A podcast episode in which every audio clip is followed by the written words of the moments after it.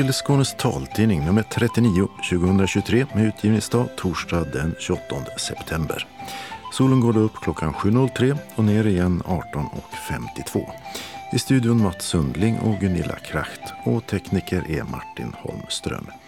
Medan det här är innehållet. Lagom till advent ska färdtjänstresenärer i norra Skåne kunna hälsa på sina vänner i grannlänen igen. Gränskommunerna är positiva till att bekosta färdtjänst över länsgränsen. Det är ett väldigt tekniksprång. Ja, det anser Mikael Haraldsson som är en av de som testat Be My AI. Den artificiella intelligensen som syntolkar. Protester mot att det inte blir någon hiss vid den nya entrén till Helsingborg C. Men kommunen och Trafikverket menar att det är för sent att göra någonting åt det. Små uppräkningar som äts upp av inflationen. Vi har tittat i regeringens förslag till statsbudget. Samhällskritik, science fiction och stöld i månadens talbokstips som kommer från Simrishamns bibliotek. Öppnat och stängt med konditorier och kläder. Evenemangstips med rymdskepp och resandefolket. Kalendern med pristagare, parlamentsval och ett päron till farsa. Anslagstavlan med meddelanden och ändringar i kollektivtrafiken. Idag delar norra, mellersta och sydöstra editionerna på en lokal tavla medan sydvästra har en egen. Och allra sist redaktionsrutan. De sju gränskommunerna i norra och östra Skåne har nu tagit ställning till Skånetrafikens förslag att återigen tillåta färdtjänstresenärer att åka över länsgränsen. Något som inte varit möjligt de senaste tre åren. Och alla kommunerna säger ja. Något som gläder kollektivtrafiknämndens ordförande Karina Sackau. Ja, och det är väldigt glädjande att vi, eh, att vi nu har fått svar ifrån, ifrån eh, samtliga de sex kommuner, sex, sju kommuner. Ja. Så att eh, det är fantastiskt roligt och det innebär att vi kan gå vidare med frågan. Och vad betyder det? När kan det komma igång? Ja, vi hinner inte få upp det till eh, oktobernämnden men min förhoppning är att vi absolut ska kunna få upp det till eh, nämnden därpå och tror att den ligger i slutet på oktober, början på november och, och det innebär att vi därefter kan, kan köra igång. Så eh, förhoppningsvis lagom till eh, kanske advent så skulle nog detta kunna vara på plats. Det var för tre år sedan, hösten 2020, som Skånetrafiken ändrade regelverket så att den som ville resa över länsgränsen måste anlita riksfärdtjänst. Anledningen var att reglerna skulle vara lika i hela Skåne. Men funktionshinderorganisationerna och gränsborna protesterade och kollektivtrafiknämnden insåg så småningom att många i gränskommunerna hade hela sitt sociala kontaktnät, inklusive till exempel tandläkare, i grannlänet. Men för att regelverket skulle kunna ändras måste de berörda kommunerna vara villiga att stå för eventuellt ökade kostnader för färdtjänsten.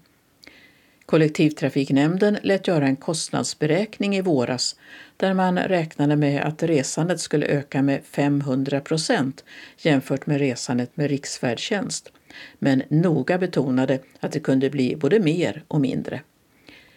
Även den genomsnittliga längden på en resa över gränsen beräknades.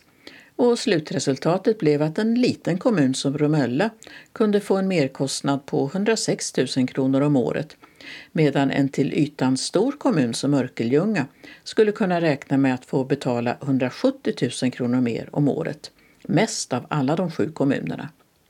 Det fick Örkelljunga att begära ett förtydligande av Skånetrafiken.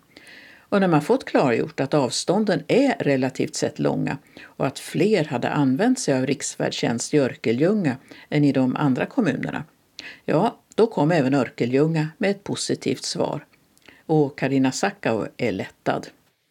Framför allt att vi fick ett, ett samstämmigt svar från samtliga så att det inte blev att tre eh, tyckte att det här var bra och, och de andra inte tyckte och sa nej till exempel. Då hade det blivit ett besvärligt läge för oss i, i kollektivtrafiknämnden att, att ta ställning till hur vi skulle göra den frågan har vi väl faktiskt duckat för lite grann för, för det hade blivit väldigt besvärligt. Jag tror inte ens att det hade varit möjligt att genomföra om inte alla hade sagt ja. Så att det, det, det är glädjande. Sa Karina Sackau, moderat ordförande i Region Skånes kollektivtrafiknämnd. Och de sju kommuner som berörs av de nya reglerna är alltså Båstad, Ängelholm, Örkelljunga, Hässleholm, Osby, Kristianstad och Bromölla. Reporter var Birgitta Fredén. I förra veckan berättade vi om utvecklingen av appen Be My Eyes och hur långt de kommit med en artificiell intelligens, Be My AI. Istället för att ringa upp en volontär som kan syntolka det man filmar med sin smarta mobil så kan man skicka ett foto till en artificiell intelligens. Och en som har testat betaversionen av Be My AI under någon veckas tid är Mikael Haraldsson i Malmö. För att visa hur den fungerar börjar han med att på sin iPhone gå in i appen Be My Eyes. Men istället för att ringa en mänsklig volontär så väljer han en annan funktion. Flikfält. BMY, gemenskap, BMY AI. Och då har jag fått upp en extra flik. Och då får jag upp då att jag kan ta en bild. Då tar man en, en helt vanlig stillbild. Ta bild.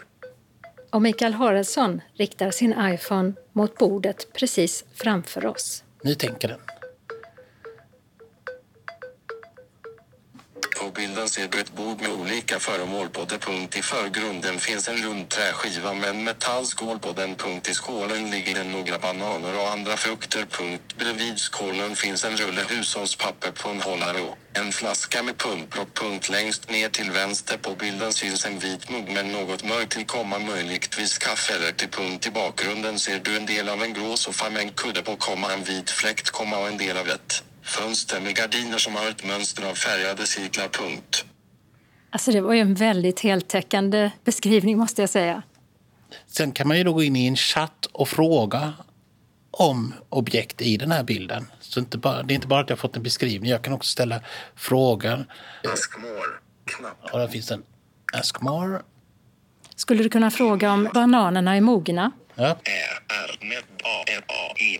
Mellanslag. Bananerna. M, O, G, N, A. Frågetecken. Skicka meddelande. Knapp. Vänta, komma BMY AI skriver ett meddelande. BMY AI kolon jag kommer bananerna på bilden ser mogna ut. Punkt. De har en gul färg vilket indikerar att de är mogna. Punkt. Wow! ja, jag håller med. Det har funnits appar tidigare som har gjort det här. Som har berättat vad de har tagit bild på. Men då har du ju bara fått bilden kan föreställa en hund. Eller på bilden kan det finnas en stol. Då är det liksom inte en beskrivning. Den kanske kan hitta vad det är för typ av objekt. Men inte, har jag aldrig kunnat gå in så detaljerat. Och för att demonstrera vad som funnits tidigare när det gäller just bildtolkning så tar Mikael Haraldsson ett foto på bordet framför oss, men med en annan app. en bild. Behandlar ellips. Förmodligen en skål med frukt och en servett. Det var dens. Förmodligen en skål med frukt och en servett. Ja. Jämfört med den mer detaljerade beskrivningen man fick med AI. Så det är stor skillnad på hur, hur detaljerade de är. Ja, här fick du bara en skål med frukt och en servett. Det är nog inte en servett för det är en eh, hushållsrulle. Och här kan du inte ställa frågor heller. Och efter att ha testat Be My AI i någon veckas tid så har Mikael Haraldsson hittat flera användningsområden. Jag har eh, fått en ny torktumlare installerat och då är det en sån här programratt. Och då har jag tagit en bild på programratten och sen så har jag bett eh, Bima AI att eh, göra en lista på de olika programmen, hur många steg jag ska skriva ratten till vilket program. Och då har jag fått en sån lista som jag har kunnat kopiera ut och spara ner i ett dokument så jag vet hur jag ska ställa in torktumlaren. Du kan jag på en annan sak jag har använt den till också. Jag har en eh, möbel bredvid där jag har min ledarhunds eh, sovplats eller hundkorg. Och på den här så blir det väldigt mycket hundhår. Så tog jag kort på den. Och som, som jag visste så sa den att det var väldigt mycket hundhår. Och de är svåra att känna för det, som ett tyg, de fastnade där. Och så dammsög jag möbeln och så tog jag bild igen och då sa den att jag hade nästan fått bort allt hår men det fanns lite i mitten och så kunde jag liksom dammsuga och torka av där. Så det var ju faktiskt ett sätt jag kunde använda den på när jag städade upp. Jag tänker idag så är det ganska dåligt väder ute. Skulle man kunna liksom ta en bild ut på gatan? Har vi bara en bild rakt ut här då? Ta bild. Analysing picture, komma prisvärdigt punkt. Det finns några löv på marken. Punkt. Det finns en trottoar med stenplattor och en asfalterad väg bredvid en punkt. På andra sidan av gatan finns en byggnad med ljusbruna väggar och fönster. Punkt. Det finns en blå dörr på byggnaden och en svart bil parkerad framför den. Punkt. I övre vänstra hörnet av bilden syns en del av en trafikskylt som är öd med en gul linje. Punkt. Askmår. Och det var vädret vi ville veta Ja, om nu. ja. BMY kolon, det är svårt att säga exakt hur vädret är baserat på bilden, komma, men det ser ut att vara molnigt. Det finns inget solsken synligt och himlen är grå. Det ser inte ut att regna för tillfället, komma, men marken ser lite fuktig ut så det kan ha regnat tidigare. Punkt. Det var väl rätt exakt va? Ja, det var det. Det regnade när jag gick hit och nu har det slutat. Ja, men jag sa att det var blött på marken. Ja. Jag tror ju att man eh, får nog fundera lite vad man kan använda det till. Oftast så vet man kanske vad det är man tar bilder på men nu kan jag få kanske information som jag inte vet om. Finns det några risker med det som du ser, att den ger information som kan lura dig på något sätt? Ja, för jag tror att de svarar fel ibland. Alltså att man kan inte vara hundraprocentigt säker på det. Att den misstolkar bilden. Och så kan det ju också vara med de mänskliga volontärerna. Så jag tror att man måste vara medveten om att det inte är alltid hundraprocentigt. Och det står ju också i varan, man får inte använda den till exempel för mediciner eller för saker som har farliga konsekvenser om man gör fel. Till exempel om man kan gå över gatan eller sådär. Men med sunt förnuft så kan man nog ha väldigt stor nytta av det. Eller det kan man. Detta har blivit ett enormt tekniksprång nu när man använder AI jämfört med hur man kunnat använda kameran på telefonen tidigare. Blev du själv förvånad? Du jobbar ju med hjälpmedel och sådana saker. Jag blev väldigt fascinerad. Jag blev förvånad att det var så pass detaljerat. Ja. Även om jag har hållit på med såna här eh, chattrobotar och testat innan. Men jag har aldrig testat med att den analyserar bilder. Och hur stort tror du att det kan bli liksom för synskadade? Jag tror att det här med AI är absolut någonting som kommer komma i samhället i stort och det kommer absolut också kunna vara till stor hjälp om man inte ser i olika hjälpmedelslösningar. Till exempel när du använder en dator att du kan få mer större hjälp av en AI. Till exempel att sammanfatta texter, beskriva bilder, diagram, tabeller.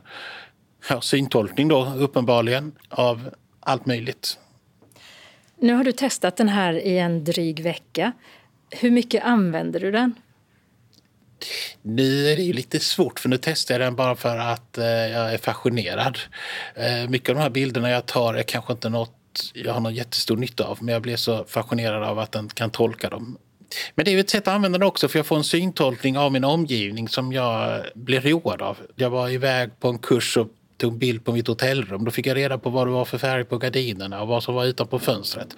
Jag hade kanske ingen jättestor praktisk nytta av det men det var trevligt att veta. Det hade jag inte vetat annars. Är den svår att använda tycker du? Nej, det är väldigt enkelt. Du har eh, två flikar längst ner. Du har den gamla funktionen där du kan få tag i en seende volontär. Något jag tror fortfarande är till stor hjälp där man kan få instruktioner liksom i realtid när man filmar. Som när jag kollade mitt miljöhus då till exempel och få reda på vad de olika kärlen var och då kunde de också instruera hur jag ska filma för att de ska kunna se skyltarna sådär, så att man kan få lite hjälp. Man får med det som man vill veta i bild. Och sen så finns det då en ny flik då som är den här AI-roboten. Och när man har tryckt på den så får man en, en knapp som är ta bild och sen tar man bild och sen så läser den upp. Och sen om man vill fråga mer om bilden så finns det en Ask more eller Fråga mer-knapp och då får man upp ett chattfönster där man kan skriva in frågor.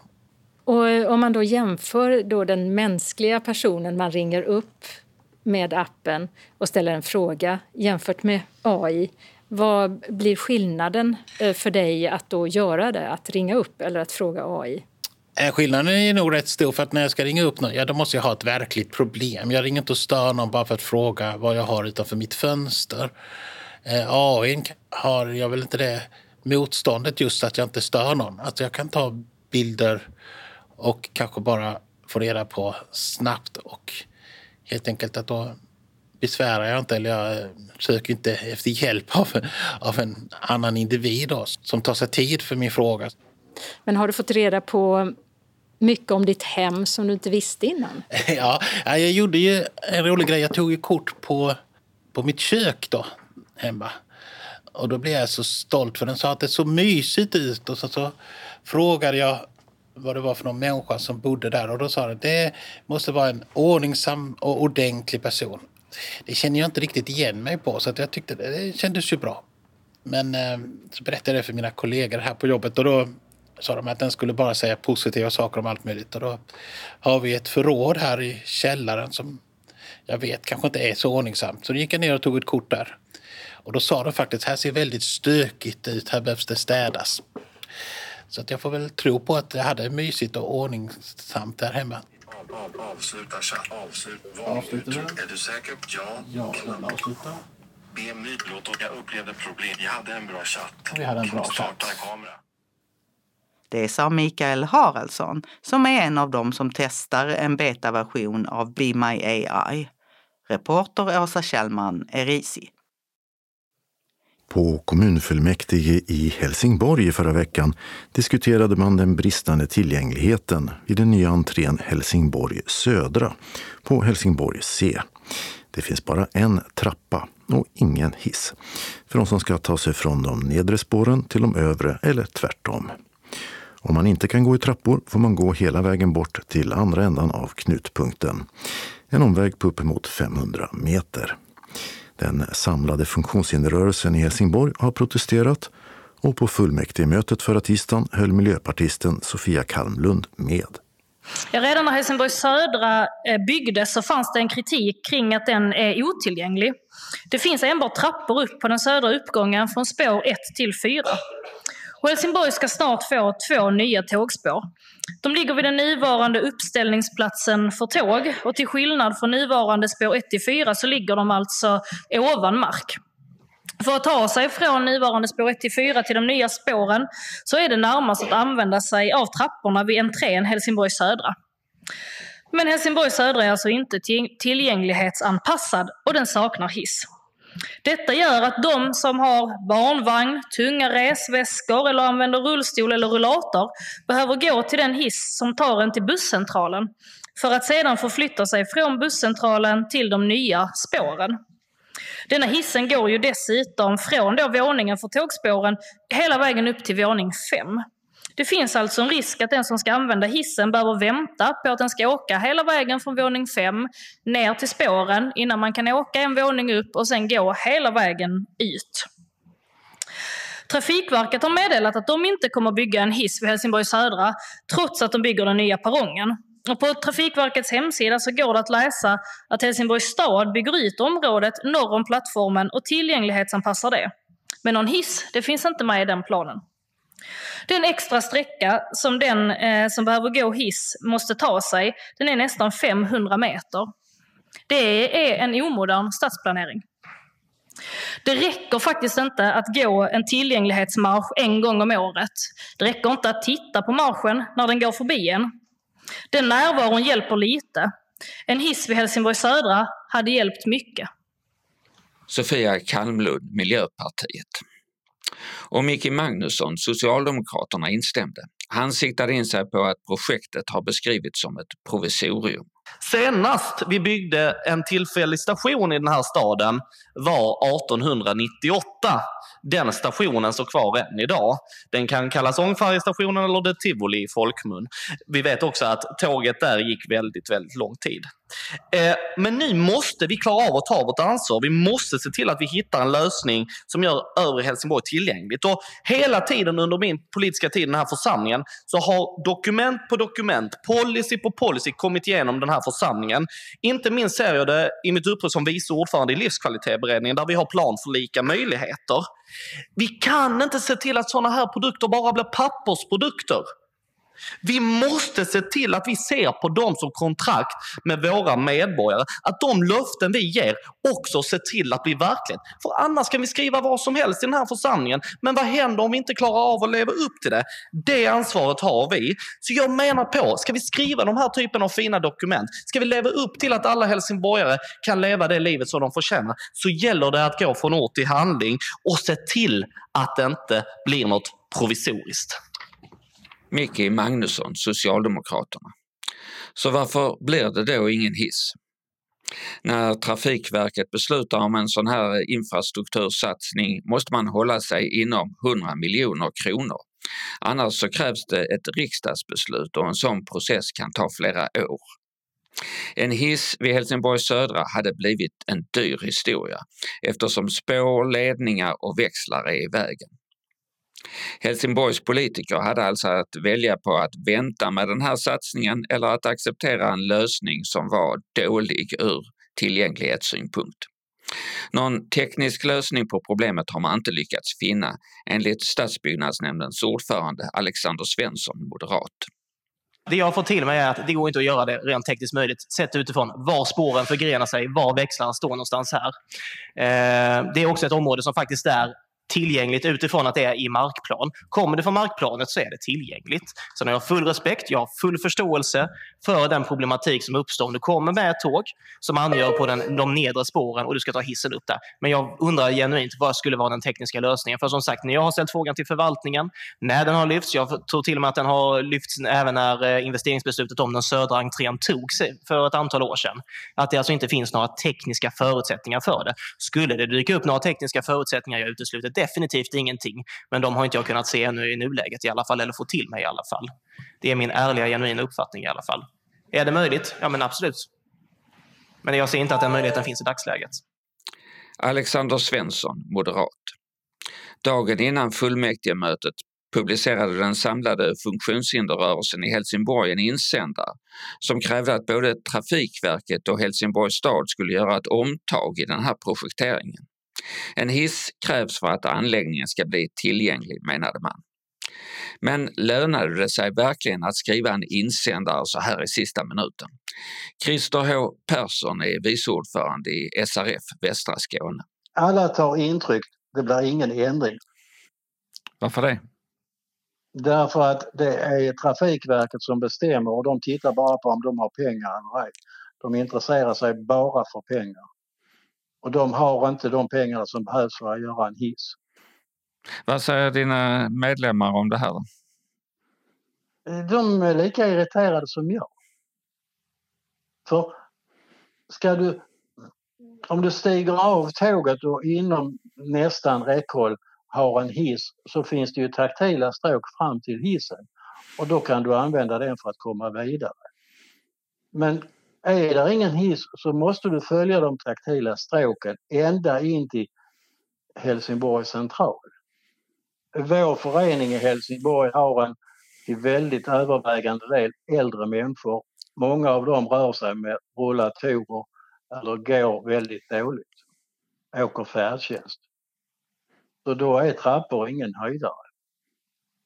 Så vad tycker du om det här då? Jag tycker att Trafikverket borde tagit mer hänsyn till passagerarna som ska åka med tåget och från början planerat in en hiss och tagit på sig den kostnaden för att bygga en hiss så att Trafikverkets stationer blir tillgängliga för alla som vill resa. Synskadade eller funktionsnedsatta på annat sätt, familjer med barnvagn, människor med rullväskor, de som åker per mobil. Alla ska på samma enkla sätt ta sig fram och kunna åka kollektivt. Men nu är det för sent att göra något åt alltså? Ja. Sen är det ju bara ett provisorium, det ska bara stå där ett litet tag. En 10-20 år eller någonting. Ja, det låter inte som ett provisorium. Det tycker inte jag heller. Men Trafikverket säger provisorium. Då behöver man inte lägga ner så mycket tid och pengar. Det sa Christer H Persson, vice ordförande i SRF Skåne. Reporter var Per-Axel Jansson. I förra veckan la regeringen fram sitt förslag till statsbudget för år 2023 och den gick i sparsamhetens tecken med satsningar på 39 miljarder som inflationen lär gröpa ur med råge. Mats Sundling har gjort en sammanfattning. Sverige befinner sig i en ekonomisk vinter, sa finansministern när budgeten presenterades. Med hög inflation, höjda räntor och stigande arbetslöshet samtidigt som försvaret kostar allt mer. Mycket av budgeten var känt sedan tidigare. Men här är några av inslagen som kanske kan vara extra intressanta för taltidningens läsare. Ett jobbskatteavdrag blev det med, som det heter, fokus på de med låga och medelhöga inkomster, värt 11 miljarder. Den som har en lön på 33 000 kronor i månaden ska få en skattesänkning med ungefär 400 kronor i månaden. Och en sänkning av skatten för pensionärer som kostar 2 miljarder blir det. Vilket tillsammans med ett höjt grundavdrag ska ge den med 25 000 kronor i pension i månaden 3 400 kronor mer att röra sig med per år. Brytpunkten för att betala statlig skatt höjs inte som planerat från 51 000 kronor och det betyder att fler får betala den. Det blir ingen sänkt skatt för de med sjuk och aktivitetsersättning. Statsminister Ulf Kristersson betonade att det alltid ska löna sig bättre att arbeta istället för att leva på bidrag. Den maximala ersättningsnivån för den som aldrig arbetat på grund av funktionsnedsättning är idag 12 163 kronor före skatt. Häromveckan höjde regeringen prisbasbeloppet och det betyder att den 1 januari blir en höjning med 9,1 procent av sjuk och aktivitetsersättningen liksom merkostnadsersättningen och omvårdnadsstödet och annat som styrs av prisbasbeloppet. Äldreomsorgen får behålla Äldreomsorgslyftet och får ett riktat statsbidrag på 4 miljarder för att bland annat minska antalet timanställda. Men samtidigt dras en dryg miljard in som gått till bland annat återhämtning efter pandemin. I assistansersättningen höjs timbeloppet med drygt 8 kronor eller ungefär 2,5 procent medan kravet från de som kampanjat för mer var 12 procent eftersom ersättningen släpat efter i många år. Och det här täcker inte ens löneökningarna, säger de. Anslaget till funktionshinderförbunden ligger still på de knappt 190 miljoner kronor de legat på i några år.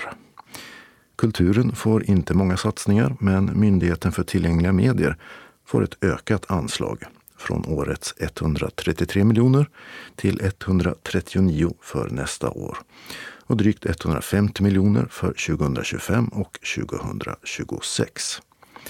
Och stödet till taltidningar ska räknas upp från 41 miljoner 2022 till 48 för 2024 och 51 miljoner för 2025 och 2026. Och här menas i första hand dagstaltidningar. Kommuner och regioner får 10 miljarder extra i generella statsbidrag, men inte så att det täcker deras kraftigt ökade kostnader. Nästa år väntas ett sammantaget underskott om 28 miljarder för kommuner och regioner enligt intresseorganisationen SKR. Något många lokala politiker förklarat kommer att leda till nedskärningar på olika kommunala områden. Avdragen för de som har råd att bygga om eller köpa hushållsnära tjänster höjs rejält. Taket för rotavdraget höjs från 50 000 till 75 000 kronor per år och rutavdraget höjs på samma sätt. Regeringen vill sänka skatt på snus med en femtedel och höja den för cigaretter och röktobak med en tiondel.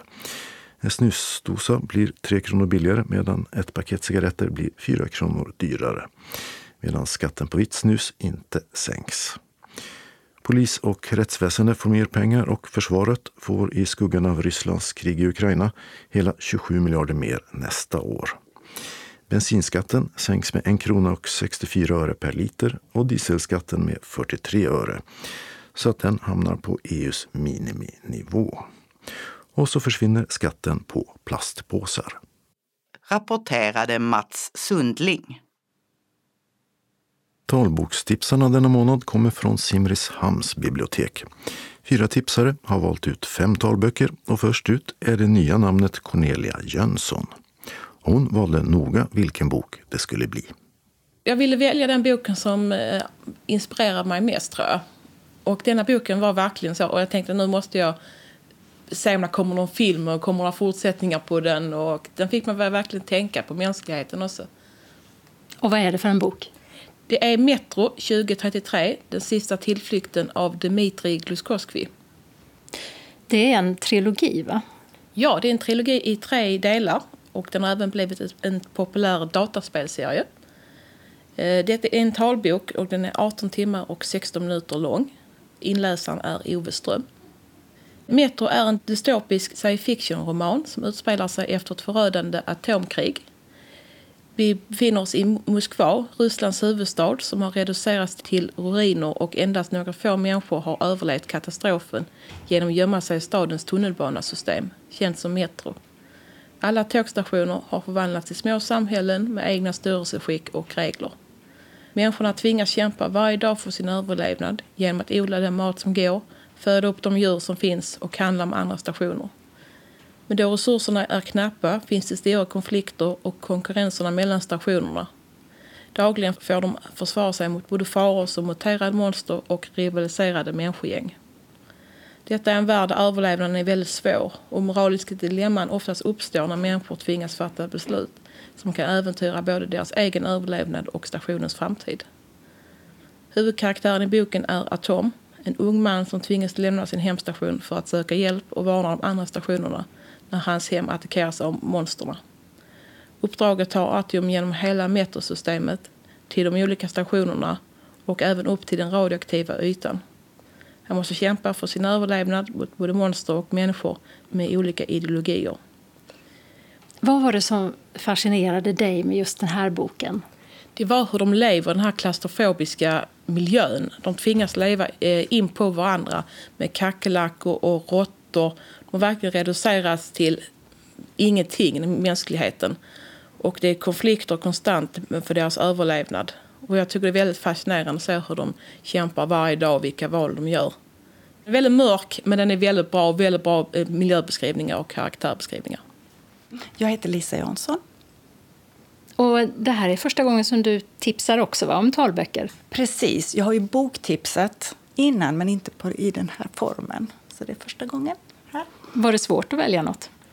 Nej, faktiskt inte. Det var ganska självklart. Jag har valt en faktabok. Jag läser nästan bara fakta. Boken heter eh, Långsamt är också framåt av eh, Agneta Österman Linkvist. Hon börjar med att säga Kan gamla tanter springa? Agneta är 57 år, har aldrig sprungit en meter i sitt liv och börjar nu känna att kroppen och själen med den sakta åldras. I sin ungdom tävlingssimmade hon men har inte motionerat på flera, flera år. Hon känner sig stel, det knakar när hon leker med barnbarnen, hon är tung i andningen. Hon bor ute i skärgården, långt ifrån gym och träningsgrupper och personliga tränare. Och så grunnar hon när hon är ute i trädgården och ser då humlor. Men humlor som är så otympliga, de kan ju också flyga trots sina små vingar. Springa, tänker hon då. Skulle det kunna vara något? Hon börjar googla lite och får lite nybörjartips. Men upptäcker också att mycket vänder sig till redan färdigtränade och till lite yngre människor. Och mycket eh, löpteknik. Men då tänker hon att ja, men jag får ju utgå ifrån hur jag har det. Så boken handlar om hur Agneta skapar sitt eget upplägg för löpning. Och då skriver hon bland annat jag varvade cirka en, två minuter långsam nybörjarjogg med tre minuter gång. Hela vägen de två kilometer jag behövde avverka för att komma hem. Det var fruktansvärt jobbigt. Kondition hade jag förstås ingen alls, inte för springande i alla fall. Redan efter ett par gånger upptäcker Agneta att det går lättare. Hon blir rörligare, hon kan leka med barnbarnen och hon anmäler sig till sitt första lopp. Grundtemat i boken är att det är okej okay att springa långsamt. Och med devisen Mitt val, mitt tempo och min njutning är bokens undertitel. Detta är en, en talbok med text. Inläsare är Jonny Isaksson. Den är cirka tre och en halv timme lång. Jag heter Sara Meijer och jag jobbar på Simrishamns bibliotek och har läst eh, en bok som heter Mörkrets barn. Och författaren är Sofie Bjarup. Och den finns som talbok och där är speltiden 14 timmar och 35 minuter. Och inläsare är Lo Torsdotter. Och det här är en skånsk författare, va? Ja, det är det faktiskt. Hon bor i Skåne och eh, verkar där. Eh, sen har hon bott och verkat i London och detta har inspirerat henne till den här boken. Den finns på deckaravdelningen och den utspelar sig i London och det är hösten 1888. Precis då när Jack the Ripper begår sina bestialiska mord i stan, i slumkvarteren. Och William Sinclair är en ung man som Eh, trots att konventionerna som råder kring vad en ung man i hans höga samhällsställning bör ägna sig åt yrkesmässigt och blivit journalist. Han är reporter på en av Londons dagstidningar och får i uppdrag att rapportera om de hemska morden som äger rum i Whitechapel, som den heter, den delen av stan. Och William som då har levt ett skyddat, privilegierat liv eh, blir förfärad av det han får uppleva i, i slummen i East End. Under sina efterforskningar så träffar han på en ung journalist. James Quilter heter han och han arbetar för en annan London-tidning. De blir snart goda vänner. Den här vänskapen övergår ganska snabbt i förälskelse och de inleder ett passionerat, förbjudet och därför väldigt, väldigt hemligt förhållande. Hemma får William ett annat uppdrag av sin mors väninna. Hon ber honom försöka leta reda på hennes försvunna dotter. Väninnans förhoppning är att han som grävande journalist ska kunna leta reda på den unga kvinnan och föra henne tillbaka till hemmet utan att det blir en skandal. Han bestämmer sig för att försöka hitta henne. Och snart får William också veta något som tyder på att det går ytterligare en mördare lös i London. Man har nämligen hittat en avhuggen arm från en ung kvinna på Themsens strand. Men ingen tycks lägga särskilt stor vikt vid detta. Londonborna är helt uppslukade av eh, de sensationella Whitechapel-morden. Och den här boken Mörkrets barn den är både en väldigt välskriven och målande tids och samhällsskildring av det viktorianska London med dess djupa klasskillnader. Eh, och så är den en spännande deckare och mordhistoria. Och så är den en, en ganska härlig förbjuden kärleksroman. Allt i ett. Eh, och det här är Sofie Bjarups debutroman. Och tycker man om den här så finns det en del två. Den kom ut 2022 och heter Skymningsvarelser. Och du själv sträckläste du den, eller hur gjorde du? Ja, det gjorde jag. Faktiskt. Jag tyckte väldigt mycket om den här. Och, och, jag tyckte väldigt mycket om del två också, så den rekommenderar jag. Eh, och jag, när jag läst lite recensioner på nätet, folk som har läst den här boken, så är de översvallande de flesta. Och den blev omtalad då när den kom 2018 som eh, en av årets bästa kriminalromaner. Jag heter Jakob Haväng och jag är bibliotekarie här på Simrishamns bibliotek. Vad är det för bok du har fastnat för? Den första boken som jag vill prata lite om det är boken Stöld av Ann-Helén Lestadius. Och den är inläst av Karin Rosén. Eh, det är talbok med text och den är från 2021. Eh, den är på 11 timmar och 13 minuter. Varför valde du den här boken? Det här med liksom samernas eh, villkor och eh, historia och sådär är ju ganska aktuellt. Så nu, nu har vi en bokklubb detta året med samiska böcker, samiska författare. Så därför valde jag den här. Den här boken är skriven av författaren och journalisten Ann Helene Lestadius som har tidigare skrivit flera prisbelönade barnböcker. Men 2021 så debuterade hon med den här. Det var den, hennes första roman för vuxna. Den heter då Stöld. Och den har nominerats till eh, årets bok av Bonniers bokklubb, precis som hennes nyaste bok som heter Straff. Och de tar ju båda upp det här med samernas historia och den skändliga eh, kolonialiseringen. Fråntagandet av deras språk och boplatser eh, som har liksom kommit mer och mer att diskuteras nu på senare år. Och eh, Stadius bok Stöld, den handlar om en samisk flicka som heter Elsa och hon kommer från en renägarfamilj, en by långt upp i Norrbotten och i den här boken får vi då följa Elsas och hennes familj och deras kamp mot en våldsam tjuvjakt på deras renar och eh, ett hänsynslöst utanförskap som de upplever där.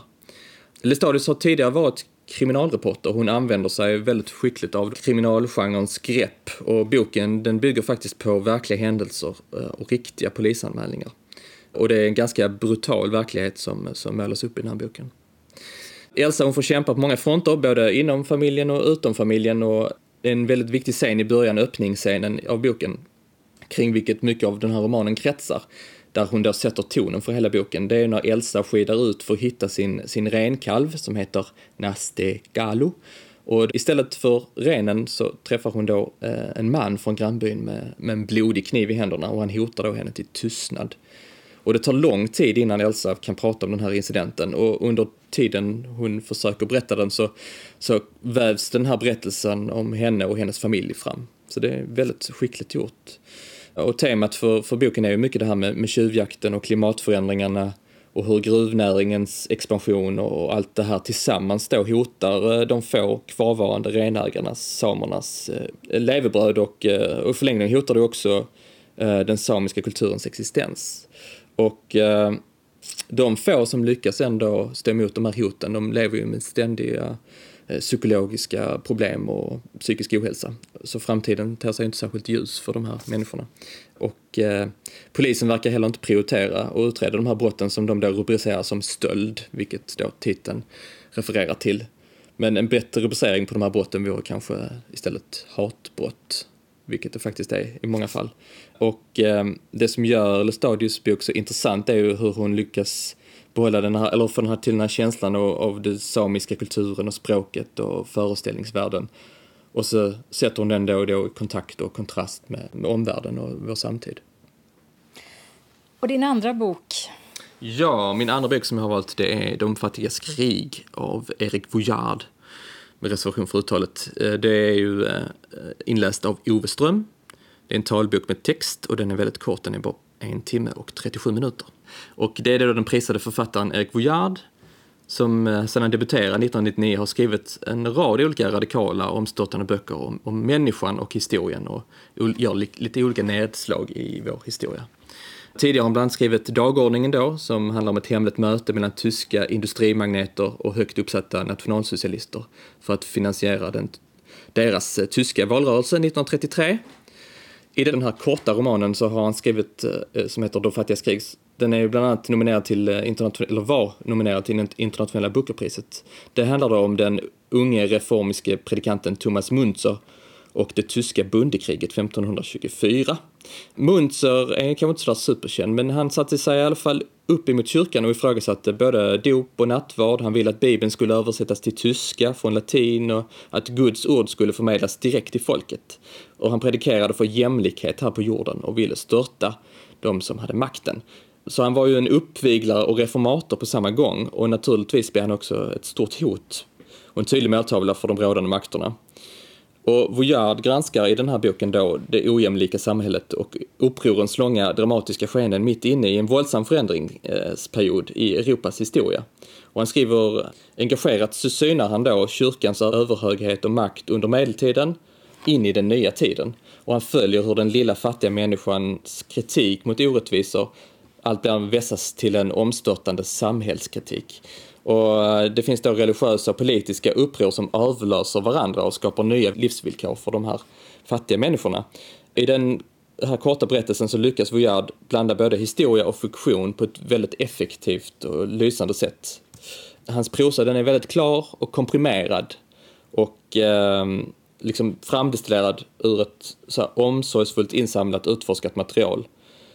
För att citera Kristoffer Leander i efterordet så handlar De fattigas krig inte bara om orättvisan utan framförallt om protesten mot orättvisan.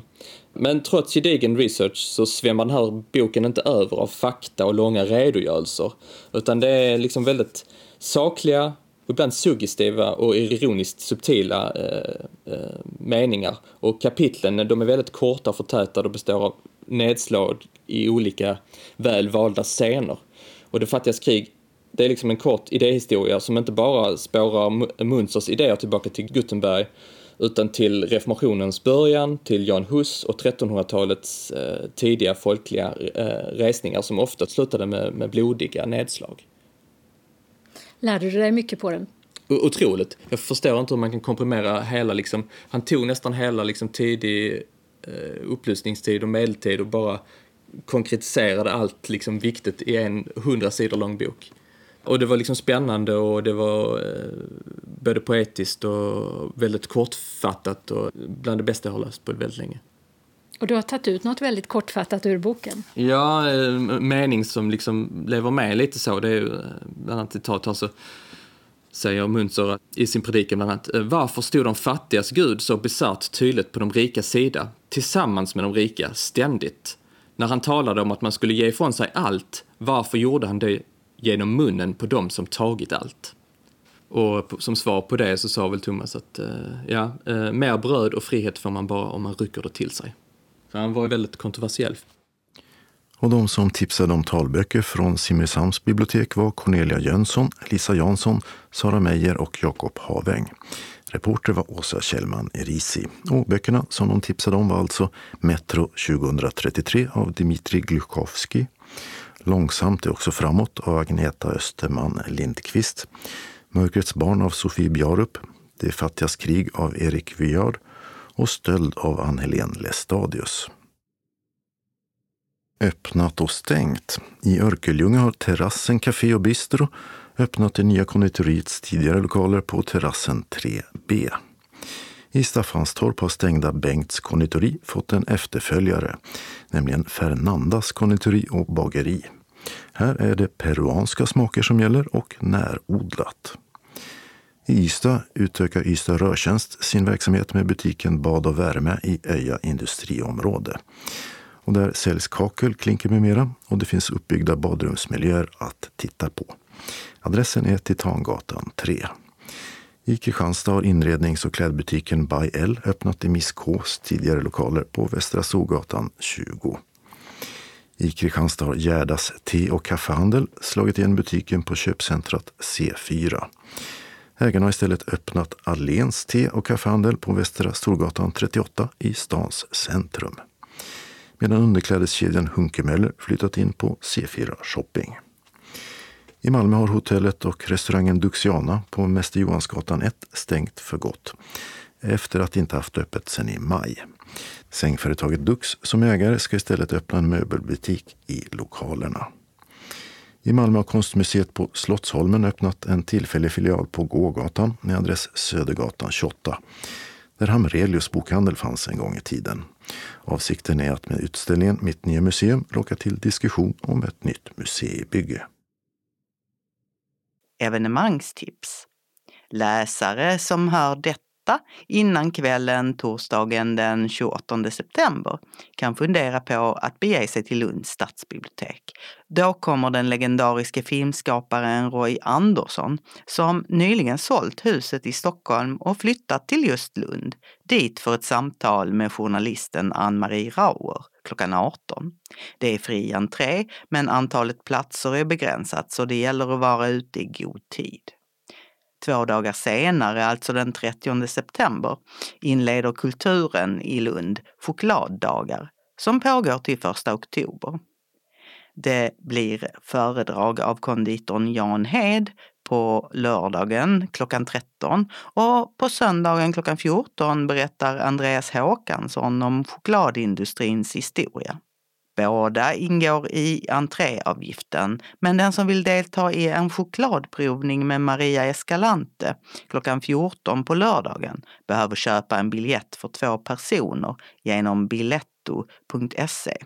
Den kostar 600 kronor och då ingår entréavgifter och provningsask. Adressen är Tegnérplatsen 6 och det är öppet mellan 10 och 16 båda dagarna. I Rörum är det skördefest hos TV4-kändisarna Marie och Gustav Mandelmann 29 september till 1 oktober från klockan 10. Förutom försäljning av gårdens ekologiska frukter och grönsaker blir det också musikunderhållning. duon Min ros, min lilja med sångerskan Iris Bergkrans och kontrabasisten Anders Fjällste spelar på fredagen och lördagen medan dansaren Brittany Brown och trumslagaren Simon Albertsen uppträder med utdrag ur sin föreställning This seems to be the world around us på lördagen och söndagen.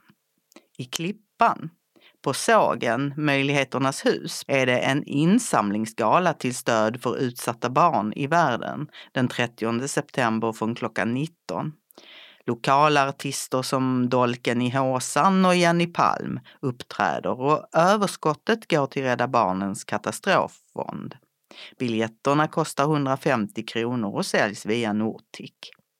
Äppelmarknaden i Kivik inleds den 30 september och varar till den 15 oktober.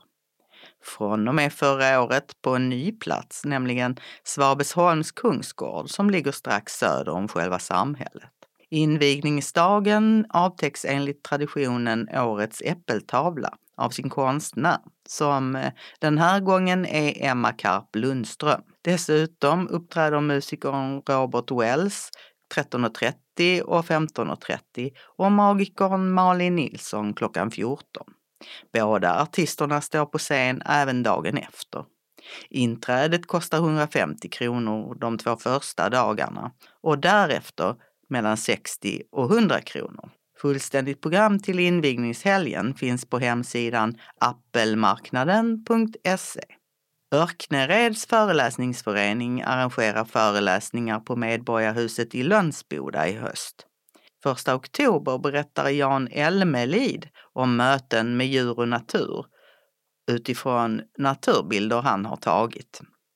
15 oktober är temat Povel Ramels liv och musik när Urban Jönsson gästar föreningen. 29 oktober berättar Rickard Nilsson om sitt liv som pressfotograf. Och sist ut för säsongen är Tord Liljedal som spelar bland annat visor och country. Samtliga föredrag börjar klockan 18 och det kostar 50 kronor per gång eller 100 för ett terminskort. Adressen är Tranebodavägen 1 och frågor kan ställas till Britt Norén på telefon 0702 420 120. Resande folket och musiken, visor, folkmusik och Elvis. Så heter en föreställning den 2 oktober klockan 18. Det är en musikalisk resa med resande folkets bidrag till populärmusiken i Sverige och USA med musikerna Laila Kronqvist, Reine Sten, Patrik Norén Stoltz och bandet Hayriders. Det är gratis men biljetter måste förbokas via Ticketmaster som tar ut en avgift på 10 kronor. En dyslexikväll anordnas på Stadsbiblioteket i Ystad den 2 oktober från klockan 18. Konstnären Rickard Johansson berättar om hur han hittat ett sätt att leva med sin dyslexi och representanter för Dyslexiförbundet kommer att finnas på plats.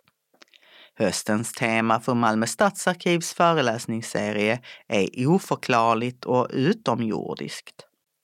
Den 5 oktober klockan 17 berättar journalisten Claes Svan, som är ordförande för UFO Sverige, om ufo-gåtan ur olika perspektiv. Martin Lund, religionsvetare på Malmö universitet, talar den 17 oktober 1830 om ufon ur ett historiskt perspektiv. Och den 1 november är det berättarkafé på temat oförklarligt och utomjordiskt från klockan 18. Lördagen den 11 november är det arkivens dag och då blir det flera olika föredrag, bland annat av Katarina Johansson från Åbo Akademi i Finland som samlat in hundratals berättelser om mystiska erfarenheter i vår samtid. Klockan 12 talar hon och en timme senare berättar arkitekten Lene Hey om Hilmar av Klint och templet på Ven. Den 30 november klockan 15 är rubriken Ovanjordiskt vatten och då berättar Eber Olsson från Skånska vattentornsällskapet om varför många moderna vattentorn ser ut som ufon. Och sist ut den här terminen är Manon Hedenborg White religionshistoriker vid Malmö universitet som föreläser om raketforskaren Jack Parsons och om relationen mellan vetenskap och magi. 18.30 börjar det. Samtliga evenemang är gratis men föranmälan krävs till Berättarcaféet och detta kan göras från den 16 oktober via Malmö stads hemsida. Där finns också fullständigt program. Fredagen den 6 oktober är det anhörigdag på Slottsträdgården i Malmö mellan 11 och 16. Det blir ett späckat program med möjlighet att träffa anhörigkonsulenter och äldreombudsman och går på guidad visning i trädgården. 12.30 berättar öppenvårdsmottagningen Gustav om sitt stöd vid missbruk och beroende. Klockan 13 blir det balansträning och 13.30 uppträder minneskören. Evenemanget är gratis och fullständigt program finns på malmo.se anhorigstod. På Norrvikens trädgårdar i Båstad är det skördefest den 8 oktober mellan 10 och 16. Förutom försäljning av frukt och grönsaker och lokala mathantverksprodukter blir det trädgårdsvisningar och mellan 14 och 16 visar Annika Kristensen hur man torkar frukter och grönsaker. Det kostar 160 kronor i inträde till parken. Chris Kläfford, som vann Idol 2017, åker på turné i höst tillsammans med duon Tennessee Tears. Skånska stopp är Slakthuset i Malmö den 20 oktober 1930 dit Eventim säljer biljetterna som kostar från 350 kronor. Kulturkvarteret i Kristianstad den 27 oktober klockan 20. Biljetter för 450 kronor säljs via hemsidan kulturkvarteret.ebiljett.nu och Ystads teater den 11 november 19.30. Dit kostar biljetterna 495 kronor och kan köpas genom Eventim. Biljettinformation. Eventim 0771 65 10 00. Nortic som har en ny webbadress new.nortic.se, alltså new.nortic.se och telefon 0455 61 97 00. Ticketmaster 0771 70 70 70. Kalendern Vecka 40 2023 inleds med måndagen den 2 oktober då Love och Ludvig har namnsdag. Det är internationella icke-våldsdagen och i republiken Guinea är det nationaldag som kanske blir lite extra festlig den här gången eftersom landet firar 65-årsdag som självständig stat. Nobelförsamlingen vid Karolinska institutet kommer att tillkännage vem som blir årets nobelpristagare i medicin runt klockan kvart i tolv. Och det är det första i raden av tillkännagivanden som följer under de kommande dagarna. Maria Wetterstrand som var språkrör och riksdagsledamot för Miljöpartiet fyller 50 år. Hon lämnade sina politiska uppdrag 2011 och är numera VD för ett hållbarhetskonsultföretag och har ett antal styrelseuppdrag med anknytning till miljöfrågor. Hon verkar även som fristående debattör och skribent och hennes bok Den nya gröna vågen, som kom ut 2010, finns som talbok. Tisdagen den 3 oktober är det nationaldag i Tyskland och Sydkorea och Evalds och Osvalds namnsdag. Mottagaren av Nobelpriset i fysik 2023 kommer att tillkännages runt klockan kvart i tolv av Kungliga Vetenskapsakademin. Konstnären och filmregissören Anna Odell fyller 50. Hon blev känd när hon i samband med sitt examensarbete på Konstfack i Stockholm iscensatte en psykos på Liljeholmsbron i syfte att återskapa en händelse som hon själv upplevt tidigare. Hon hämtades av polis och tvångsomhändertogs av psykiatrin och när det senare uppdagades att hon var frisk vid händelsen så åtalades hon för våldsamt motstånd, falskt larm och oredligt förfarande och dömdes till 50 dagsböter. Hon har gjort två långfilmer. Återträffen från 2013 som bygger på hennes egna erfarenheter och som hon fick en Guldbagge för året därpå. Och X och Y från 2018. Skådespelaren Alicia Vikander fyller 35. Hon fick sitt genombrott i filmen Till det som är vackert 2010 och belönades med en Guldbagge för bästa kvinnliga huvudroll för sin prestation. Två år senare slog hon igenom internationellt med den danska filmen A Royal Affair. Och 2016 fick hon en Oscar för bästa kvinnliga biroll som konstnären Gerda Wegner i The Danish Girl. Hennes senaste film, kostymdramat Firebrand, har ännu inte visats i Sverige, men hon fick stående ovationer vid premiären i Cannes tidigare i år för sin roll som Catherine Parr, som var den sista som var gift med den engelske kungen Henrik den åttonde. Onsdagen den 4 oktober är det Frans och Frank som har namnsdag och i Lesotho firas nationaldag. Det är också den helige Franciscus dag, djurens dag och kanelbullens dag. Kungliga Vetenskapsakademin meddelar vid kvart i tolv vem som får Nobelpriset i kemi 2023. Det är 40 år sedan den stora demonstrationen mot löntagarfonder ägde rum i Stockholm. Enligt uppgifter från polisen deltog över 70 000. Men löntagarfonderna infördes ändå av den socialdemokratiska regeringen för att sedan avskaffas några år senare när de borgerliga partierna tog över regeringsmakten. Torsdagen den 5 oktober är det Bror som har namnsdag och det är internationella lärardagen. Klockan 13 kommer Svenska Akademins ständige sekreterare Mats Malm att tala om vem som får årets Nobelpris i litteratur.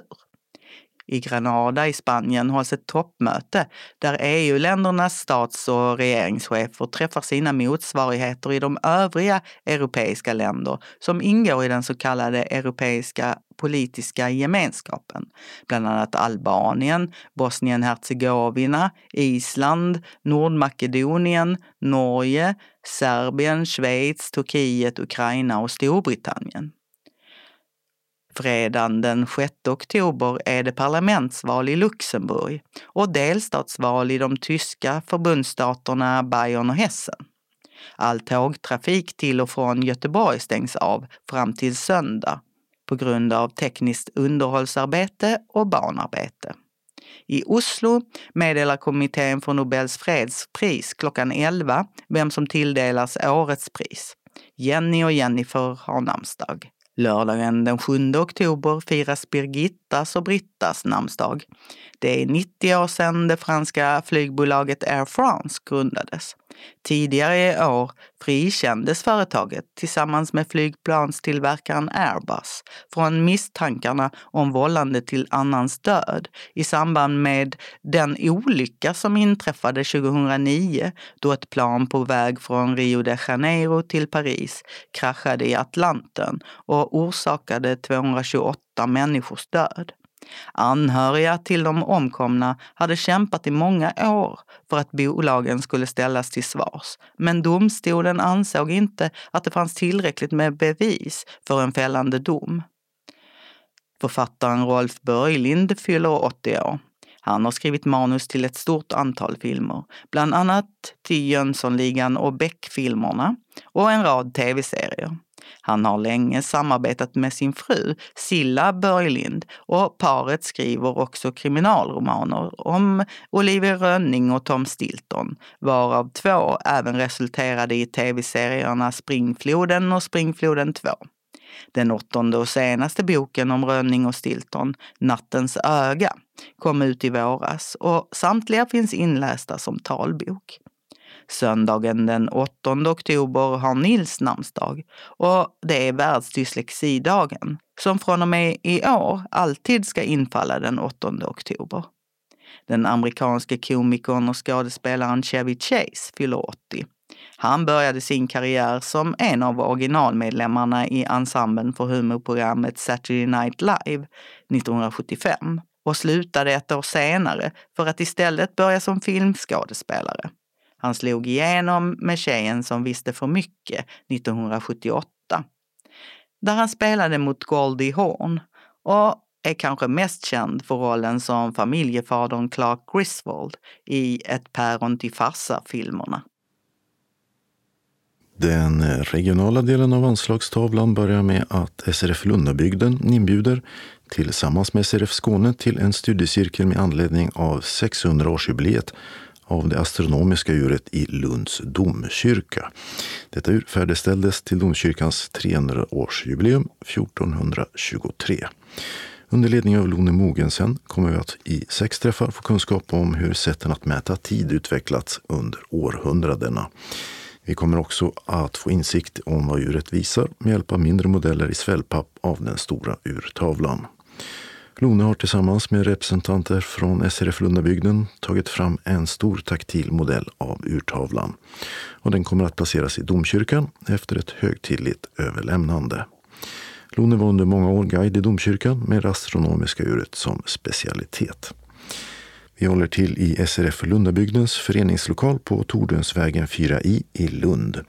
Studiecirkeln startar torsdag den 5 oktober och fortsätter sedan de kommande fyra torsdagarna. Tiden för de inledande träffarna är i föreningslokalen 10.30 till 12. Kaffe och smörgås serveras från klockan 10 till de som så önskar. Studiecirkeln är kostnadsfri. Antalet platser är begränsat så vänta inte för länge med anmälan. Och den ska ske senast den 2 oktober till SRF Lundabygden på 046 211 06 74 eller e-posta lundabygden srf.nu. Så en inbjudan från SRF Lundabygden till alla SRF-medlemmar om en julmarknad i Lund. Under flera år har vi haft julmarknad där våra egna hantverkare visat upp och sålt sina alster. I år tänkte vi utvidga och bjuda in hela distriktet, både du som hantverkare och vill sälja och du som vill besöka för att titta och eventuellt handla. Det blir den sista måndagen i november, den 27, mellan klockan 16 och 20 i vår föreningslokal på Tordönsvägen. Håller du på med något hantverk som du vill visa upp och eller sälja den dagen? Du kanske har gått någon av SRFs kurser och fått blodad tand i trådslöjd, keramik eller tovning. Du kanske slungar din egna honung eller gör något annat trevligt. Ju fler hantverkare, desto roligare marknad. Du lånar ett bord gratis hos oss och du ansvarar själv för din försäljning. Undrar du över något så ring Cecilia på telefon 0706 40 11 23. Och det är en uppmaning till dig som hantverkare att fundera och börja skapa inför julen. Boka ditt bord senast den sista oktober hos SRF Lundabygden 046 211 06 74 eller lundabygden srf.nu. Uppgifter vi vill ha är ditt namn, vilken lokalförening du tillhör samt vilket hantverk du vill sälja. Och inbjudan till att besöka marknaden kommer senare i höst. SRF Malmö Svedala bjuder in hela Skåne till syntolkad filmvisning torsdag den 5 oktober klockan 18. Vi ska se filmen Där kräftorna sjunger, ett drama från USA. Eftersom filmen inte är syntolkad och språket är engelska kommer Claes Gylling att syntolka och läsa undertexten. Handlingen, den övergivna Kaja, växer upp ensam och isolerad i North Carolinas farliga träskmarker. Hon dras till två unga män från stan, men när en av dem dör misstänks hon genast för brottet. Medverkande är bland andra Daisy Edgar Jones, Taylor John Smith och Harris Dickinson. Olivia Newman har regisserat och filmen är två timmar lång. Filmvisningen är kostnadsfri, men du tar själv med dig dryck och biogodis. Och du anmäler dig till föreningens kansli på telefonen 040-25 05 40 eller mejla info srfmalmo.se senast tisdag den 3 oktober. Boka bilen till Vännäsfridsgatan 13 och baksidan i Malmö. Så du är framme till klockan 18. Skulle din bil bli försenad eller något annat inträffa så kan du ringa Maj-Britt 070-324 6609 eller Mikael 076 191 04 66. Hemresan kan du beställa till klockan 21 och som vanligt stannar någon av oss kvar tills alla fått sina färdtjänstbilar. Och det här gäller bara för medlemmar utanför Malmö. Reseersättning utgår som vanligt från SRF Skåne för resor utanför Malmö när man skickat in kvittot inom tre månader efteråt. Välkomna till filmvisning hälsar styrelsen SRF Malmö Svedala. Vi har några tillfälliga ändringar i den regionala busstrafiken. Utanför Helsingborg har regionbuss 224 hållplatser Allerums kyrka och Allerums skola stängt med hänvisning till tillfälliga stolpar där Jonstorpsvägen och Allerums kyrkväg korsar. medan hållplatserna Tornhultsvägen, Hjälmshult och Fågelbäcksgatan läge B ersätts av Fågelbäcksvägen läge A. Men fredag den 29 september klockan 17 ska det vara som vanligt igen. I Broby i Östra Göinge kommun har man stängt en bit av Sibbultsvägen och regionbuss 542 får ta en annan väg. Till 6 oktober klockan 16 är hållplatserna Lagervägen och Lunnom stängda. Med hänvisning till hållplatsen Helgeå. Stängda är också hållplatserna Feleberga och Färeköpsvägen och här finns Sibbults busstation som alternativ. I Hör är ett arbete på Hörbyvägen försenat och regionbuss 445 hållplats Ängsgatan fortsätter att vara stängd till den 13 oktober klockan 16. Till dess ersätter de andra hållplatserna Krokgatan, cirka 400 meter västerut på Hörbyvägen och hållplatsen Sövröd cirka 650 meter österut på samma väg. Den lokala delen av anslagstavlan är idag delad i två editioner. Det här är den för sydvästra Skåne. Malmö blindförening har ett meddelande. Tyvärr har restaurangen på Annebergsgården gått i konkurs och vi vet inte när den öppnar igen. Därför kan vi tills vidare inte arrangera några samkväm, men vi återkommer så snart en ny krögare är på plats och vi kan träffas igen. Så ett antal inbjudningar från SRF Malmö Först till dagverksamheten. Måndag den 2 oktober klockan 13 till 15 träffas vi och diskuterar aktuella nyheter och läser. Och ibland hinner vi med frågesport. Tisdag den 3 oktober klockan 13 till 15.15 15 blir det bingo och fika. Anmäl dig om du tänker komma senast klockan 10 samma dag. SRF Malmö Svedala välkomnar också till styrketräning på FIF. Visserligen får du ingen personlig tränare men väl en som hjälper oss att ställa in maskinerna på rätt motstånd och vikt. Vi kan boka in oss på Fiffhallen varje torsdag klockan 10 till 11.30 under hösten. Vi startar den 5 oktober och avslutar den 7 december. Om intresse finns fortsätter vi i januari nästa år. Du bokar och avbokar själv din tid hos FIF. Telefon 040-92 89 30. Men glöm inte att meddela Maj-Britt eller Mikael. Bokar en bil till Pildammsvägen så är du framme klockan 9.30 och hemfärd kan beställas från 11.30. Och det finns möjlighet att köpa fika hos FIF efter träningen. Och för att träna där måste man vara medlem. Medlemsansökan kan ni göra på webben eller på plats. Det kostar 500 kronor per år för den som fyllt 65 och 1000 för yngre. Tycker ni det här verkar intressant gör ni första anmälan till kansliet senast måndag den 2 oktober. Har du frågor ringer du till Maj-Britt eller Mikael. Hälsar styrelsen. SRF Malmö Svedala välkomnar också till sopplunch på föreningen fredag den 6 oktober. Då serverar jag ärtsoppa med punsch och till kaffet blir det kanelbulle. Men först kommer två forskare hit och berättar om sitt arbete med att öka tillgängligheten i den offentliga utemiljön. Det är Agneta Ståhl här från föreningen som är professor emerita vid Lunds universitet och Maja Almen som är arkitekt och sakkunnig i tillgänglighetsfrågor åt myndigheter och kommuner. Maja och Agneta har under många år haft uppdrag från Trafikverket. Är du medlem betalar du 50 kronor för detta, övriga 70. Vill du vara med, anmäl dig till kansliet senast torsdag den 28 september och glöm då inte att anmäla allergi eller specialkost. Du betalar in till föreningens bankgiro 192-9645 eller swisha 123 077 80 50. Glöm inte skriva ärtsoppa och namnet på deltagaren. Och det går också bra att betala kontant på plats. Färdtjänsthem kan beställas till 15.30. Varmt välkomna hälsar styrelsen. SRF Malmö Svedala hälsar också välkommen till en visning med Polar Print. Onsdag den 11 oktober klockan 13 till 15.30 i föreningens lokal så kommer PolarPrint och visar GoBox+. Den har en inbyggd talsyntes och kan läsa upp texter från vilken kanal eller tjänst som helst på din TV. Plusmodellen kan även förstora texten upp till två gånger samt förstärka kontrasten. Plus är en liten och smidig dosa som är enkel att installera och den kräver ingen dator eller datorvana. Pris till konsument kommer att landa på cirka 6 7 000 kronor. Polar Print bjuder på fika och klockan 13 börjar de med en genomgång för alla. Avsätt minst en timme för visning, frågor och fika. Anmäl dig till kansliet senast måndag den 9 oktober. Välkommen! SRF Malmö Svedala välkomnar också till en guidad busstur i Malmö fredag den 13 oktober. Vi samlas vid Fransuellstatyn på Norra Vallgatan 66 i god tid innan klockan 12.45. Bussen åker klockan 13. Tänk på att bussen har höga trappsteg.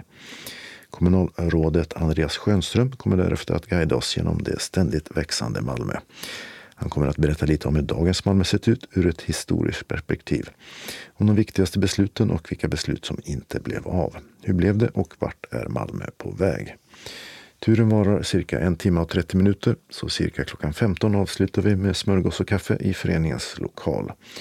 Bussen stannar så nära den den kan komma på Lorensborgsgatan, vilket är en sträcka på cirka 300 meter. Och hemresan kan du beställa till 16.15 från Wendelsfridsgatan 13. Anmäl dig till kansliet senast måndag den 9 oktober.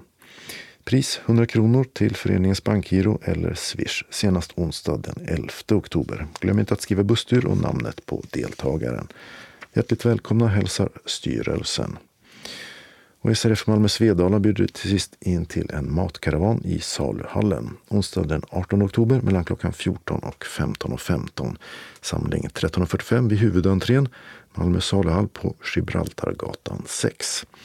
Smaka på säsongen i saluhallen. Här får du chansen att kika bakom kulisserna och möta handlarna. Karavanens röda tråd är att tillsammans med handlarna upptäcka smakerna som är i säsong just nu. Karavanen varar cirka 1.45 med 8 till 10 smakstopp. Där smakproverna ungefär motsvarar en varmrätt och en mindre efterrätt i volym. Så kom hungrig men inte utsvulten. Hemresan kan du beställa till klockan 16.15 och som vanligt stannar någon av oss kvar. Pris 250 kronor för medlemmar, övriga 485. Anmälan senast 11 oktober till kansliet och berätta då om du har allergier eller behöver specialkost eller om vegetariskt alternativ önskas. Samt om du behöver inbetalningskort eller ledsagning. Betala till föreningens bankgiro eller via Swish senast onsdag den 11 oktober och glöm inte skriva saluhall och namnet på deltagaren. Och observera, här är det ingen kontantbetalning. Om du får förhinder eller har frågor, ring Maj-Britt eller Mikael. Hjärtligt välkomna hälsar styrelsen än en gång. Vi avslutar med en tillfällig ändring i den lokala busstrafiken. I Trelleborg har man återupptagit ett arbete på Ekevägen som till den 20 oktober klockan 16 får stadsbuss 1 att ta en annan väg. Hållplatsen Plommovägen är stängd med hänvisning till hållplatsen Söderslättsgatan. Och den ligger på Hedvägen och drygt halvkilometern västerut. Stängde också hållplatsen Bokevägen. Här ersätter hållplatsen Allmogevägen som ligger lika långt i sydöstlig riktning på Engelbrektsvägen. Och I Malmö är ett arbete på Bellevuevägen och Bågängsvägen försenat och stadsbuss 1 hållplats Bågängsvägen är stängd till den 29 september klockan 15 med hänvisning till hållplats Rudbecksgatan 260 meter norrut på Bellevuevägen.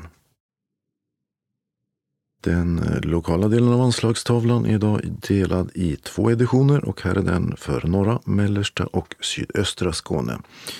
Först en inbjudan från SRF Bjuvklippan Åstorp, norra Skåne och Ängelholm Båstad till en hjälpmedelsvisning med spännande föreläsningar på Ängelholms stadsbibliotek måndag den 9 oktober klockan 12 till 18.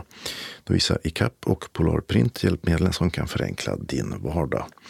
Carl-Otto Rosenqvist berättar om sina erfarenheter, hur du kan söka färdtjänst och ledsagning på rätt sätt, hur du kan få utbildning på smarta mobiler och även om en ny app som du kan använda när du ska ut och promenera. Anna Pilkvist, tillgänglighetssamordnare i Höganäs kommun, kommer att föreläsa om projektet om Tillgänglighetsguiden och också om ett EU-projekt som heter Green Health. Ängelholms stadsbibliotek visar hur du läser talböcker med Legimus. Och även annan spännande information kommer att finnas på plats. Aktiviteten är gratis och du kan få ut reseersättning. Om du inte kan ta dig dit på egen hand så kan vi hjälpa till med det. Kontakta då din lokalförening snarast. Lunch och fika finns att köpa på nära håll. Och för mer information kontakta någon av oss. För SRF Norra Skåne, Anna-Lena Pekkele. 070-3600 647 eller e-posta alp.ledarhund gmail.com. För SRF Bjuvklippa Nåstorp, Bjarne Kristensen 070-518 40 70. E-post brosengard med två an 55 outlook.com. Och för SRF Ängelholm Båstad kan man ringa 0431 30 59 69 eller e-posta info srfeb.se. E. Välkomna hälsar samverkansgruppen SRF i norra Skåne. Synskadades förening Kristianstad-Bromölla samt Östra Göinge bjuder in till en trivselkväll i Bromölla. Vi är ett gäng SRF-are som tänker besöka krog nummer två i Bromölla när höstmörkret börjar falla. Tanken med det är att äta och dricka något gott i goda vänners lag. Hoppas ni tycker detta är en bra idé. Ni är alla hjärtligt välkomna. Var och en står för sin nota. Vi träffas på krog nummer två på Korsholmsvägen 2 i Bromölla lördag den 7 oktober klockan 18. Observera den ändrade tiden den 7 oktober klockan 18. Och vi åker hem när vi vill. De stänger klockan 22. Ingen föranmälan behövs. Vid frågor ring Torbjörn på 0709 40 58 62. Väl mött till en härlig stund. Tillsammans hälsar styrelsen. SRF Kristianstad Bromölla och Östra Göinge bjuder också in sina medlemmar till kamratträff onsdag den 11 oktober klockan 14 till 16.30 i Östermalmskyrkan på Lasarettsboulevarden 6. Vi träffas och spelar musik och bingo tillsammans. Efter fikan gnuggar vi geniknölarna med en frågesport. Anmäl dig senast fredag den 6 oktober till Anita Svensson 044 533 09. Om hon inte kan svara, var vänlig anmäl till telefonsvararen så ringer hon upp. Och det går också bra att mejla till anitasvensson gmail.com. Animatallergi och behov av ledsagare och vi förhinder meddela så snart som möjligt. Varmt välkomna hälsar styrelsen. SRF Lundabygden bjuder in till Seniorshoppen den 4 oktober. Då kommer Carita från Seniorshoppen med höstens och vinterns mode. Hon har kläder i de flesta storlekar, underkläder, ytterplagg, byxor, kjolar, blusar och toppar, både för vardag och fest. Och hon har även kläder för honom. Ta tillfället i akt och ekipera dig i lugn och ro med den hjälp du behöver. För att Carita ska kunna erbjuda alla en så bra service så är det max två personer i shoppen samtidigt som gäller. Under tiden äter vi andra en god sallad och för den som önskar finns det vin till självkostnadspris. Shoppen öppnar klockan 11 och stänger när alla är nöjda vid cirka klockan 16. Sista anmälningsdag hit är den 2 oktober. Och SRF Lundabygden bjuder också in till bokprat den 11 oktober. Då gästas vi av Berit Hedman på Klostergårdsbiblioteket som tipsar oss om bra talböcker i olika genrer samtidigt som det bjuds på fika. Det kommer även finnas utrymme för att tipsa varandra om våra egna läsupplevelser. Och det är en aktivitet i samarbete med ABF Mittskåne. Detta klockan 13.30 till 15, sista anmälningsdag 9 oktober. Och du anmäler dig till kansliet på 046 211 06 74 eller e-posta lundebygden srf.nu. Så ett meddelande till SRF Ringsjöbygdens medlemmar. Den 16 oktober är ni välkomna till Karidal klockan 17.30 till 19.30. Denna kväll ska vi höra om GSM grundkurs i smarta mobiler. Det finns även chans att pröva och känna på den nya mobilen Capsys Smart Vision 3. Har du någon fundering om projektet eller har en fundering om din egna mobil? Ställ frågan. Adressen är Tröskevägen 2 i Eslöv och anmälan görs senast måndag den 9 oktober till Birgitta. Telefon 0413 54 13 33, mobil 070 55 03 261. Varmt välkomna!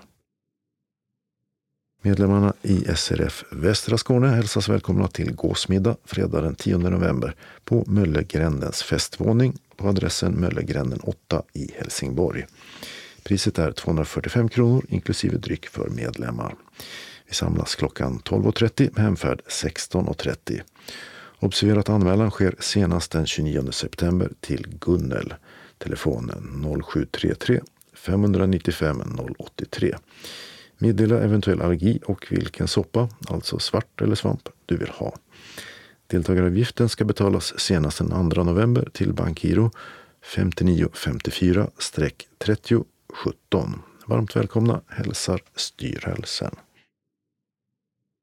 Och vi avslutar med några lokala ändringar i busstrafiken. I Helsingborg har ett vägarbete blivit försenat igen. Det är på Romares väg och hållplatsen Rådmansgatan ska nu fortsätta vara stängt till den 20 oktober klockan 16. Och resenärer med linje 3 får fortsätta använda en tillfällig stolpe 150 meter åt sydväst på samma gata. För linje 6 ersätter en stolpe lika långt bort fast söderut på Norra Stenbocksgatan.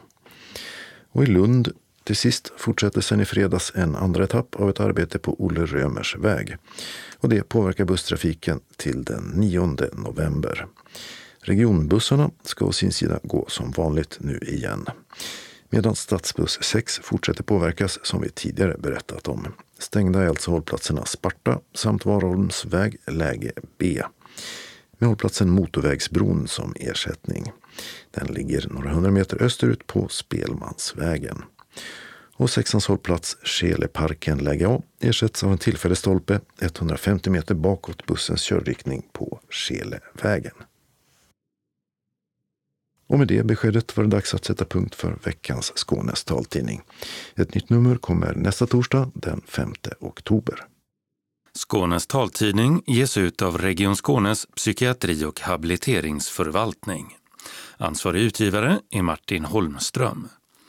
Postadress Jörgen Ankersgatan 12, 211 45 Malmö. Telefon 040-673 0970. E-post Skanes taltidning snabela skane.se och hemsida skanestaltidning.se. Observera att CD-skivorna inte ska skickas tillbaka till oss. Såväl skivor som kuvert kan läggas i brännbara sopor när ni inte längre vill ha dem. Vi hörs igen. Hej då!